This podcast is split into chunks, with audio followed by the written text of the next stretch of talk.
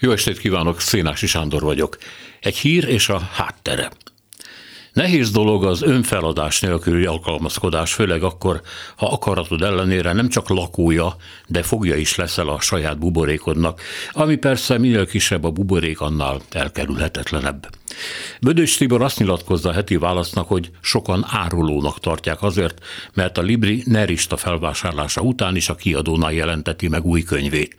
A humoristának erre van egy józan és egy még józanabb pragmatista válasza, hogy tudnélik a Libri lenyúlásánál már kész volt a könyv, másrészt, amíg a mostani kiadói csapat marad, és hihető, hogy nem fog cenzúrázni, nincs a váltani.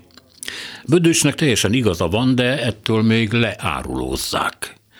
Az ellenzéki dogmatika lényege, hogy a rendszer kritikusai és ellenfelei soha, sehol, semmilyen szinten nem érintkeznek a hatalom által megszállt, ellopott, megbecstelenített felületekkel, legyenek azok boltok, lőterek, híroldalak, ló nélküli huszárok hazug lábnyomai a flaszteren, vagy éppen könyvkiadók, mert ezek kivétel nélkül toxikusak, így aztán megölik, elveszik a tisztességes ember tisztaságát.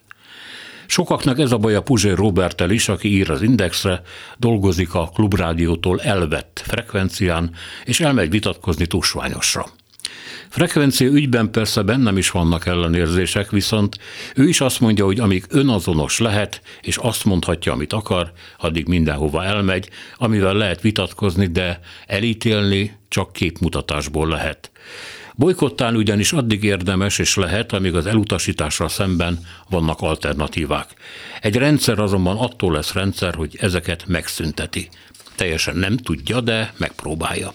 Ebből következően azok, akik bolykotról beszélnek a valóságban, saját frazeológiájukat használva, kvázi kollaboránsok, és mások meg, és elítélése merő alakoskodás, ha tudatában vannak ennek, ha nem. Ez nagyon sajnálatos és lehangoló tény persze, viszont szembe kell nézni vele, már ha nem akarunk saját mitológiánk rabjai lenni.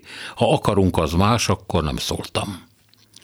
Azzal is meg kell birkózni, hogy az élet megint és folyamatosan az éberségről szól, mert állandóan fel kell mérnünk, hogy miben állunk, és meddig, csak bokáig vagy már szügyig, és mi az, és ki az, ami és aki valóban semmilyen körülmények között nem vállalható.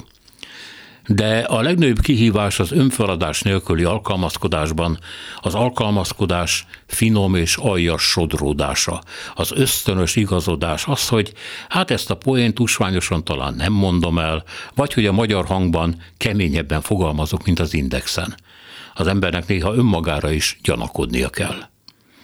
Aztán már minden egyszerű. Aztán már csak a sajátjaink sötét, zavaros vizein kell átevezni.